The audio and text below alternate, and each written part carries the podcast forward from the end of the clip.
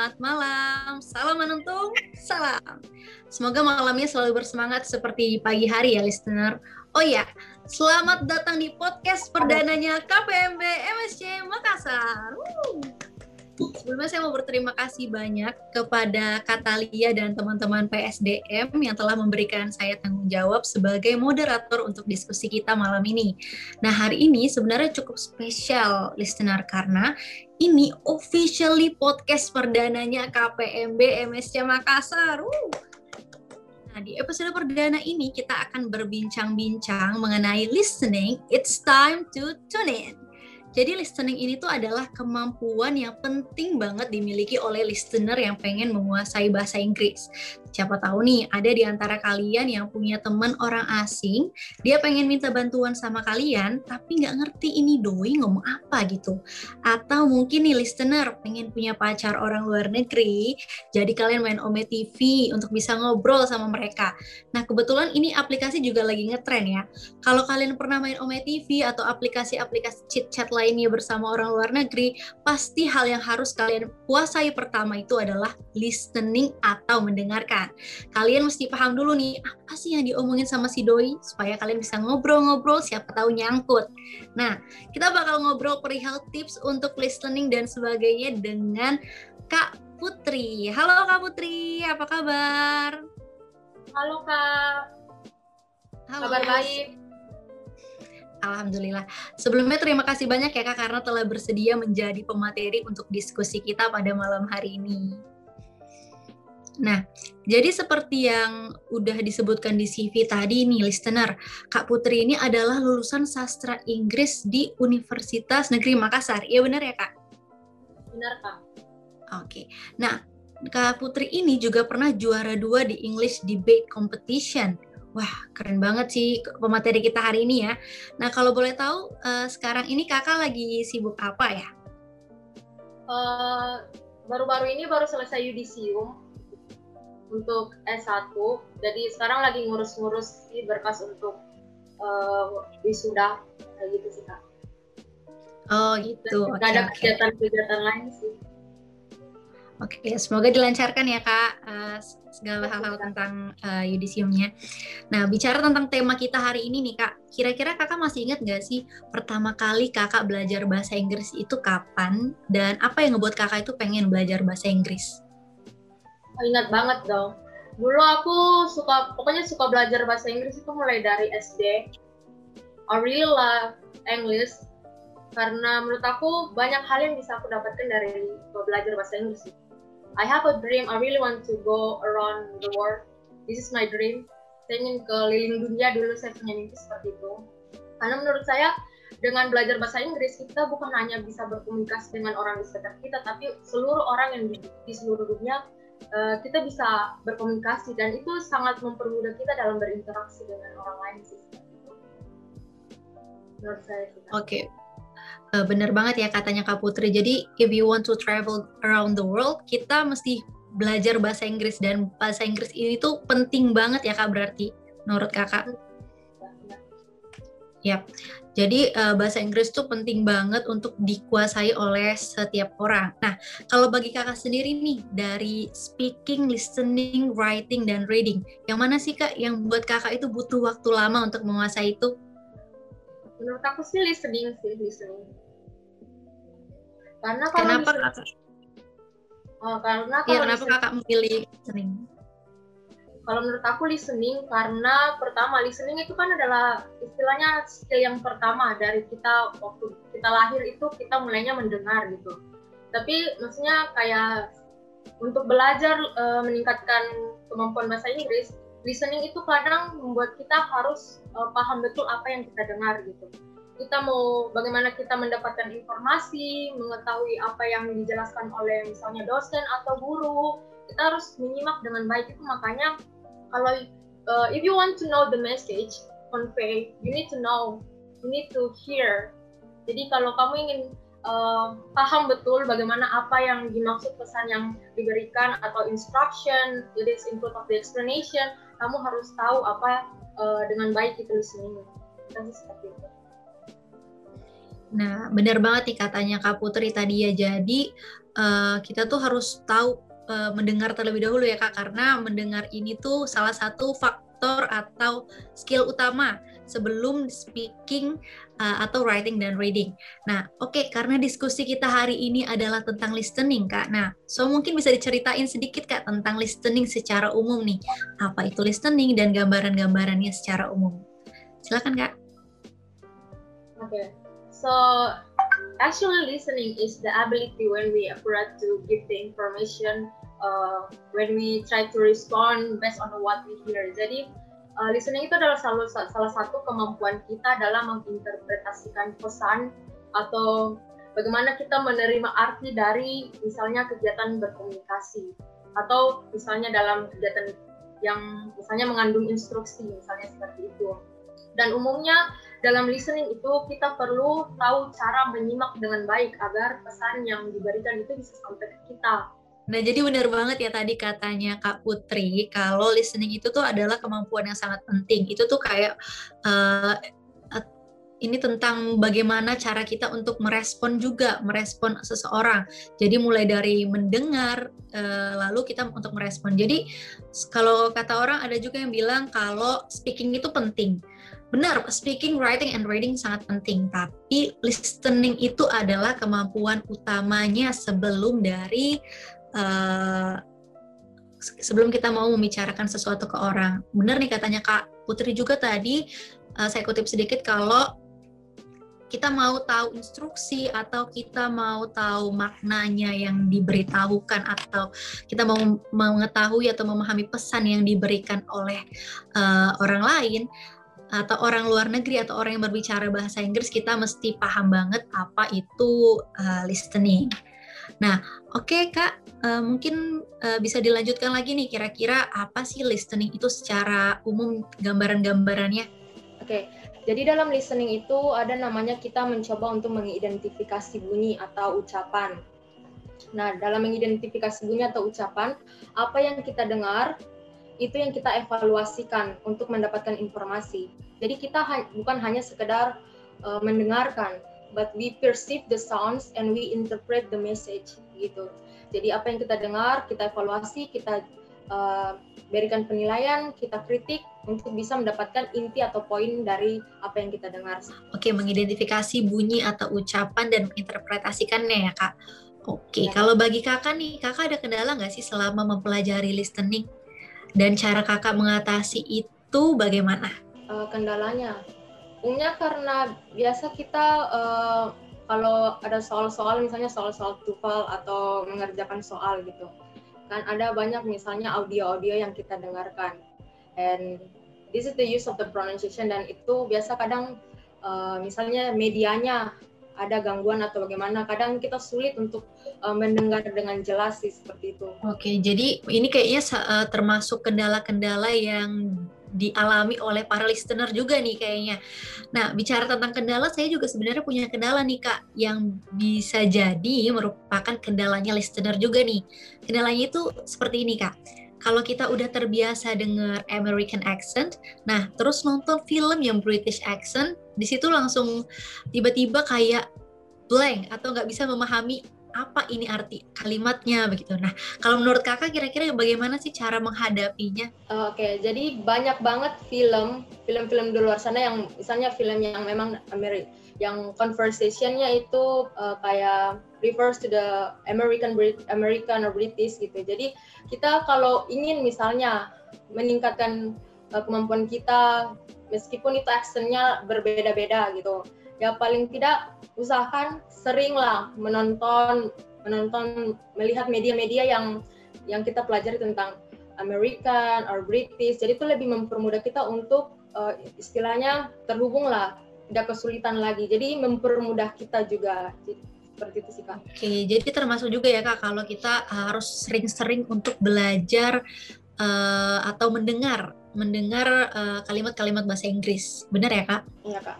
Oke, nah ada juga nih kak kendala lainnya yang cukup umum. Jadi ada nih yang kalau speaking bisa, writing bisa, tapi when it comes to listening langsung blank, bingung. Nah ini kira-kira menurut kakak, faktornya apakah karena tidak membiasakan diri dalam mendengarkan bahasa Inggris sebelumnya atau menurut kakak bagaimana? Jadi kita kan sebenarnya semuanya tuh punya kemampuan masing-masing. Ada yang dia uh, writingnya bagus, dia readingnya bagus, tapi misalnya saat menangkap, misalnya mendengar itu kurang. Jadi ada memang yang seperti itu. Jadi bagaimana kalau kita seperti itu sebaiknya kita belajar secara keseluruhan masing-masing skill itu. Jadi usahakan masing-masing skill itu bisa kita kuasai walaupun tidak secara keseluruhan bagus tapi paling tidak setiap skill itu saling melengkapi misalnya kita mau uh, menulis menulis sesuatu. Misalnya kita diberikan tugas terus kita disuruh untuk mendengar kemudian menuliskan pesan apa yang ada yang kita dengar. Tentu kita butuh listening skill. Jadi semua itu saling melengkapi tidak bisa hanya satu. Walaupun seperti itu paling tidak bisa lah seperti itu kak. Jadi kalau misalkan nih kak cuman satu aja, misalkan salah satu listener cuma bisa satu doang gitu dari uh, salah satu skill tersebut.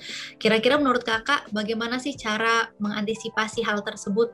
Gimana sih caranya agar bisa menguasai keempatnya ini? Kalau saya sih kak, misalnya kalau saya kan di antara empat skill mungkin kira-kira saya kurang di listening gitu dan kan banyak juga materi yang kita pelajari itu tentang writing, reading, speaking, bukan hanya listening. Tapi bagaimana itu yang tadi saya bilang, uh, kita belajar secara pelan gitu, mulai dari dasar atau bagaimana. Yang penting paling tidak kita bisa lah sedikit agar agar paling tidak bukan hanya mengetahui satu skill saja, tapi paling tidak uh, semua skill itu bisa dikuasai Oke, okay. nah uh, gini kak, di dalam bahasa Inggris itu ada juga namanya slang word ya kak. Nah, ini menjadi salah satu kalimat yang kayaknya kalau kita belajar bahasa Inggris secara formal di SMA atau kuliah, nggak ada nih kata-kata ini. Kita nggak gampang nemu ini. Tapi pas nonton film atau ngobrol sama orang luar negeri, si slang words ini muncul. Nah, kira-kira tips dari kakak agar kita bisa menguasai listening dari segala aspek termasuk kata-kata yang tidak pernah kita dengar itu seperti apa? Slang word itu kan umum sih terjadi gitu. Kita juga ada slang word dalam Indonesia kan, kata-kata yang memang belum pernah atau sering kita sebutkan gitu, jadi kebiasaan. Sebenarnya lebih kepada kita meningkatkan vocabulary kita sih. Itu mem, uh, memperkaya uh, vocabulary, kosakata, misalnya vocabulary, kosakata dan bagaimana kita bisa berinteraksi dengan baik. Jadi itu akan membuat kita bisa bersosialisasi sendiri dengan uh, saat berkomunikasi gitu. Uh, mungkin kakak bisa sedikit sharing-sharing pengalamannya kakak nih selama belajar bahasa Inggris dan mungkin eh, kesulitan-kesulitan yang kemudian uh, bisa kakak hadapi selama belajar bahasa Inggris dan terutama uh, um, menyangkut ke tema kita pada malam hari ini yaitu adalah listening.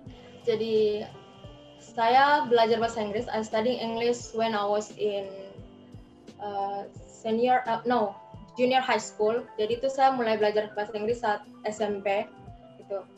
Dari awal itu saya merasa kayaknya belajar bahasa Inggris itu sangat asik gitu. Karena beda dari yang lainnya menurut saya gitu. Saya suka sih kayak misalnya belajar bahasa lain, misalnya bahasa Perancis atau bahasa Korea misalnya gitu kan. Tapi mungkin bahasa Inggris ini adalah salah satu uh, bahasa yang memang karena bahasa dunia, jadi kita semua paling tidak penting untuk mengetahuinya gitu. Kemudian karena keingin tahuan saya tentang bahasa Inggris lebih dalam, saya masuk di uh, pas SMA saya masuk uh, jurusan bahasa. So I learn a lot of English on the class gitu. Misalnya ada pelajaran sastra Inggris, bahasa Inggris dan mostly all of the time I learn English. Jadi itu sangat-sangat saya sangat merasa bersyukur bisa masuk bahasa karena uh, waktu saya untuk belajar bahasa Inggris lebih banyak gitu. Jadi menurut saya kalau memang kita ingin banget uh, meningkatkan bahasa cara kita berkomunikasi, sangat suka uh, untuk mempelajari bahasa Inggris, cobalah untuk menyukainya dari pertama gitu. Dan itu makanya saya merasa saya suka bahasa Inggris, jadi sampai kuliah pun saya tetap mengambil jurusan yang berhubungan tentang bahasa Inggris gitu. Agar ilmu yang saya dapat pas SMA itu tidak berlalu begitu saja, tapi tetap bisa saya kembangkan gitu. Wow, such a nice words from Kak Putri. Wah, uh, ini nih Kak, uh, tadi ada tips nggak sih Kak kira-kira gimana sih atau teknik khususnya untuk kita bisa menguasai listening ini? Kalau saya pertama itu tadi uh, banyak media yang misalnya pertama banyak media yang bisa kita gunakan untuk mempelajari listening lebih dalam. Banyak media misalnya radio, uh, menonton film. Nah, menonton film itu ada baiknya kalau kita menonton film tanpa subtitle. Misalnya kita punya tujuan untuk uh, belajar bahasa Inggris, mendingan itu nggak pakai subtitle agar kita bukan hanya uh, istilah for entertainment, tapi kita bisa belajar untuk uh, bagaimana kita bisa mengerti jalan cerita tanpa membaca seperti itu.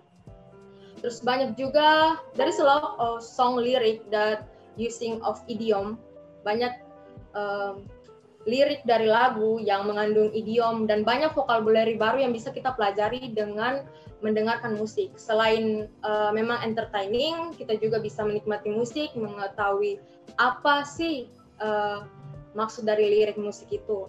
Terus ada juga yang namanya audiobook. Biasa audiobook ini kita gunakan kalau kita dalam kegiatan belajar mengajar misalnya. Guru kasih kita, guru memperdengarkan kita audiobook, terus bagaimana kita mengetahui jalan cerita. Audiobook itu biasanya it contains of the short story or narrative and we can learn. So it help us to understand. Uh, it's not only uh, for it's like the conversation, but kita bisa tahu bagaimana uh, mempelajari listening bisa fokus dengan apa yang kita dengar tanpa melihat secara visualisasi seperti itu kak. Dan juga ya paling tidak kita juga sering-sering lah ngomong misalnya ketemu dengan orang luar, misalnya lewat misalnya internet atau sebagaimana sebagaimana gitu kita bisa belajar juga. Oke, jadi benar nih katanya Kak Putri tadi audiobook ya Kak. Nah audiobook ini juga salah satu yang pernah disaranin oleh guru bahasa Inggris saya nih waktu dulu uh, ketika duduk di bangku SMA jadi dia selalu uh, memberikan saya saran kalau mau belajar bahasa Inggris atau menguasai listening, speaking, reading and writing coba mendengarkan audiobook kayak gitu karena itu bisa uh, membantu kita untuk lebih cepat menguasai uh, listening dalam bahasa Inggris. Nah, oh tadi kakak ada bilang nih selain kakak belajar bahasa Inggris, kakak juga ada belajar bahasa lainnya kak. Wah, berarti contohnya seperti bahasa Korea. Tadi saya juga ada lihat di pengalaman kakak ada belajar bahasa Prancis juga ya kak? Oh iya kak. Jadi pas SMA itu ada mata kuliah, eh, mata pelajaran khusus untuk bahasa Prancis memang. Jadi ada bahasa oh, Prancis, wow. bahasa Prancis, bahasa Jepang. Jadi buat menurut aku buat adik-adik yang mau masuk SMA, kalau memang suka banget bahasa lebih dari satu, masuk masuk jurusan bahasa itu sangat-sangat pilihan yang tepat sih salah satu pilihan tepat jadi benar banget nih kata Kak Putri tadi kalau mau belajar kalau ada yang suka bahasa jadi lebih baik masuk ke dalam uh, jurusan bahasa jangan sampai pilih uh, jurusan yang uh, lain daripada jurusan yang tidak sesuai sama dia. Nah, kalau gitu, yang ini mungkin pertanyaan puncak dan mungkin ditunggu-tunggu nih sama listener. Tadi udah ada sebagian dikasih tahu sama Kak, Kak Putri ya. Jadi apa sih Kak kira-kira triknya dan tips untuk menguasai lebih dalam nih tentang listening ini kak? Oke, okay. kalau untuk yang tadi seperti saya bilang uh, paling tidak banyak mempelajari uh, bahasa Inggris, mendengarkan musik, audio, uh, mendengarkan lewat film atau video. Terus ada juga misalnya kalau kita mau uh, mengerjakan soal misalnya kan soal bahasa Inggris pasti walaupun kita tidak ambil jurusan bahasa Inggris tapi jurusan mana pun pasti ada lah soal-soal mengenai bahasa Inggris yang kita pelajari saat SMA, SMP ataupun kuliah. Nah, ada sih beberapa trik yang untuk menjawab soal yang perlu kita pahami. Misalnya ada soal listening. Ada soal listening, tentu kan kita dengar dulu audionya, setelah itu kita uh, menjawab menjawab soal ada pilihan jawaban itu umumnya itu jawaban itu biasanya kalau kita dengar itu jawabannya biasa uh, jawaban dari option ini tuh ada di second line. Misalnya ada conversation laki-laki dan perempuan biasa umumnya itu ada di second line. Jadi biasa tuh perhatikan itu uh, ucapan yang ada pada speaker kedua. Nah, misalnya Terus ada juga misalnya kalau kita mengerjakan tugas, eh, mengerjakan soal, kalau pas eh, pertama mulai, saya sarankan itu kalau menurut saya pertama itu baca dulu optionnya, baca dulu ABCD-nya, pilihan jawabannya. Paling tidak satu menit, kemudian kerjakan soalnya. Itu membantu kita untuk mengetahui garis besarnya yang uh, dipengaruhi dengan apa yang kita dengarkan nanti gitu. Terus kita juga perlu meningkatkan vocabulary kita otomatis. Meningkatkan vocabulary kita karena banyak pasti di audio ucapan-ucapan dari speaker yang banyak yang kita tidak tahu. Kadang kita tidak tahu jadi kita kebingungan untuk menjawabnya. Jadi meningkatkan vocabulary paling tidak satu hari itu belajarlah beberapa vocabulary yang bisa membantu kita. Kemudian belajar juga kayak functional expression. Jadi banyak itu soal-soal bahasa Inggris tuh ada namanya functional expression. Itu yang biasa muncul kalau untuk soal listening kayak giving attention, uh, giving a comment or something like that itu sangat penting gitu. Jadi supaya kita bisa terbiasa dengan pertanyaan-pertanyaan yang muncul dalam bahasa Inggris. Seperti itu sih Kak. Oke, saya juga jadi sambil nyatat nih ya listener, karena ini penting banget sih untuk kita ketahui ya listener. Uh, trik yang disampaikan kak, disampaikan oleh Kak Putri ini benar-benar sangat berguna bagi kita nantinya yang mungkin pengen ikut uh, tes TOEFL ya atau IELTS. Nah, ngomong-ngomong tentang TOEFL nih kak, pernah nggak uh, kakak ikut TOEFL atau IELTS sebelumnya? Pernah banget. Saya sudah berapa kali mengikuti TOEFL sebelumnya dan mengikuti TOEFL itu tidak langsung kamu lolos gitu. Hmm. Tapi kalau memang kamu ya uh, you really smart, pasti kamu bisa lolos lah gitu. Tapi kalau saya sejujur berapa uh, saya mengikuti berapa kali akhirnya saya lolos. Jadi kalau di perkuliahan itu ada setiap semester kita diberikan untuk tes TOEFL gitu. Dalam tes TOEFL itu ada uh, beberapa yang harus kita perhatikan yang misalnya bukan hanya satu skill tapi ada empat skill di dalamnya kan yang perlu kita pelajari dan skor yang uh, agar lulus itu sekitaran 500 ke atas gitu. 5, mentok 500 itu udah bisa dikatakan lulus TOEFL. Dan waktu mengikuti TOEFL itu uh, pertama kali mengikuti TOEFL itu rasanya pasti gugup ya kan karena pertama pasti, kali pasti. dihadapkan dengan ya pertama kali dihadapkan dengan banyaknya soal-soal bahasa Inggris gitu. Bukan hanya satu atau dua nomor tapi 50-an nomor lebih itu sangat-sangat uh, ya mengagetkan lah ya gitu. Apalagi kita diburu waktu. Kita kita tidak bisa mengerjakan soal secara oh iya kerjakan aja dulu begini. Tapi kita harus karena ada waktu yang menunggu gitu hanya satu jam lebih lah seperti itu. Jadi bagaimana kita bisa memanage waktu kita bisa uh, pertama adalah kita belajar dulu lah sebelum kita ikut TOEFL. Belajar hmm. bagaimana namanya listening comprehension uh, writing grammar juga untuk uh, TOEFL jenis structure misalnya itu kita sangat harus belajar namanya grammar. Grammar itu sangat penting gitu. Karena adalah kita option-option yang harus kita pahami tentang grammar.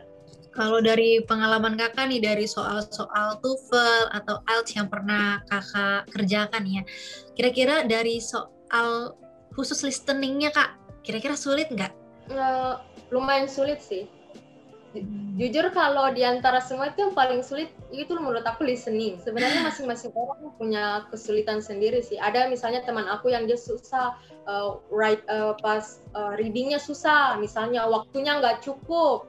Misalnya baru baca, baru baca beberapa line udah mau pindah ke selanjutnya seperti itu. Tapi bagaimana kita bisa intinya memanage waktu dengan baik lah. Jadi listening itu sebenarnya kan ada beberapa uh, bagian gitu saat kita belajar TOEFL eh saat kita mengerjakan TOEFL maksudnya gitu. Jadi yang paling sulit itu sebenarnya waktu uh, bagian di mana kita perlu mendengarkan secara keseluruhan untuk menjawab misalnya satu sampai enam soal misalnya ada yang seperti itu giving expression for listening gitu itu sebenarnya sangat sulit karena kita harus paham betul gitu tapi kalau kalau bagian-bagian awal listening itu sebenarnya tidak terlalu sulit sih menurut saya Uh, ini jadi mengingatkan saya waktu ikut simulation TOEFL ya. Jadi sebelumnya saya juga pernah ikut simulation TOEFL nih kak. Terus pas ikut simulation TOEFL itu memang benar katanya kak Putri kalau yang paling sulit itu listening. Kalau bagi saya juga sama listening karena uh, kita harus mendengar satu kayak mungkin sekitar empat menit ya kayak empat menit uh, 4 menit percakapan lalu kemudian menjawab beberapa pertanyaan. Kalau mungkin biasanya kan kalau di bahasa Inggris yang mungkin di mata kuliah atau eh, pelajaran-pelajaran di SMA sebelumnya itu mung uh, tes-tes ujiannya uh, itu cuman perihal uh, listening terus abis itu langsung listening satu menit atau dua menit itu langsung kerjain soalnya jadi agak mudah gitu ya kak cuman kalau di TOEFL atau IELTS itu kayaknya lebih sulit karena kita harus mendengarkan uh, sekitar 4 sampai lima menit nah kalau kakak sendiri waktu kakak mendengarkan itu kakak dalam keadaan bagaimana kakak untuk menanamkan fokusnya kakak saat itu pertama we need to pay attention on the sounds gitu win while ignoring all of the distraction gitu. Jadi kita sebenarnya harus fokus dengan apa yang kita dengar gitu. Pokoknya jangan uh, teralihkan fokus kita kepada bunyi-bunyi lain atau bagaimana. Soalnya kita biasa kalau kerja tugas apalagi kerja uh, soal bahasa Inggris terus di kelas pasti adalah suara-suara yang mengganggu kita gitu. Just focus on the audio supaya kita bisa mendengarkan secara jelas. Usahakan relax, tidak dalam tekanan atau bagaimana hanya fokus mendengar dari awal itu uh, catat ide-ide itu makanya sangat kita berguna untuk memahami tahap-tahap mendengar dengan baik gitu. Jadi fokus dengan apa yang kita dengar, jangan ya jangan terganggu dengan yang lainnya gitu. Oke, nah listener gimana nih? Jadi udah denger materinya dari Kak Putri tentang listening, bikin makin semangat untuk belajar bahasa Inggris nggak nih? Jadi uh, dari kata Kak Putri tadi, kalau fokus itu adalah hal penting juga dalam listening. Dalam listening kita nggak boleh teralihkan ya Kak dalam memahami listening. Lalu kita juga harus mendengarkan dengan baik dari awal sampai akhir. Jangan sampai pikiran kita teralihkan ke hal-hal lain. Nah, kalau begitu mungkin sampai di sini dulu diskusi kita pada malam hari ini, Kak. Saya ucapkan terima kasih banyak sebelumnya kepada Kak Putri dan juga mungkin ada kata-kata yang mungkin ingin disampaikan kepada para listener nih yang mungkin saat ini sedang struggling dengan listening nih, Kak. Untuk para pelajar, mahasiswa, for the listener, all of the listener around the world, saya sangat ingin menyarankan kalian untuk uh, belajar dengan giat. Kalau kamu suka bahasa Inggris tekunilah gitu. Every everyone around the world has the big chance. A lot of people say that. Jadi you need to believe yourself. You can do it. Jangan jangan minder karena misalnya kamu kurang dalam skill ini kamu kurang dalam belajar bahasa Inggris jadi kamu mau menyerah begitu saja gitu. Kamu harus percaya kalau kamu suka kamu harus tetap tekuni itu gitu. Jadikan bahasa Inggris bukan hanya sekedar uh, bahasa yang kamu pelajari tapi jadikanlah bahasa Inggris sebagai suatu bentuk kesukaan kamu terhadap bahasa seperti itu. Dan yang paling tidak tetap uh, belajar bahasa Inggris terus dan dalami. Dan kalau memang suka yang saya bilang tadi tekuni ambil jurusan yang sesuai dengan minat kamu yang justru mulai dari minat bahasa Inggris itu bisa berkembang ke banyak hal gitu. Yap, itu tadi nih pesan dan kesan dari Kak Putri untuk para listener yang mungkin lagi struggling sama listening atau lagi struggling, lagi berusaha berjuang untuk uh, mungkin lagi ada yang mau kerjain TOEFL atau kerjain IELTS tuh dan dapat tips dan trik dari Kak Putri langsung. Nah, uh, untuk teman-teman juga tuh tadi yang pengen mungkin punya pacar orang luar negeri, nah mungkin tadi bisa dengerin tuh uh, atau catat Eh, kata-kata uh, dari kakak Putri yang kemudian menjadi tips-tips untuk kita dapat menguasai listening. Kalau begitu terima kasih banyak kepada Kak Putri uh, atas kesediaannya menjadi pemateri kita pada malam hari ini. Terima kasih banyak Kak, semangat selalu. Terima kasih juga Kak atas kesempatan yang diberikan kepada saya. It's an honor for me to provide the listening material. Thank you so much. Thank you so much too. Oke, okay, saya juga mau mengucapkan terima kasih banyak kepada para listener yang mungkin sudah mendengarkan dari awal sampai akhir dan juga menyimak dengan baik kata-kata dari Kak Putri. Jangan lupa dicatat dan dipahami dengan baik agar bisa menguasai listening dalam bahasa Inggris dengan baik. Oke, okay, kalau begitu sampai di sini aja podcast kita pada malam hari ini. Karena ini episode perdana, saya minta maaf kalau ada beberapa kesalahan yang dilakukan oleh saya ataupun teman-teman eh, KPB Indonesia Makassar. Kalau gitu terima kasih banyak. Wassalamualaikum warahmatullahi wabarakatuh. Salam menutup. Salam.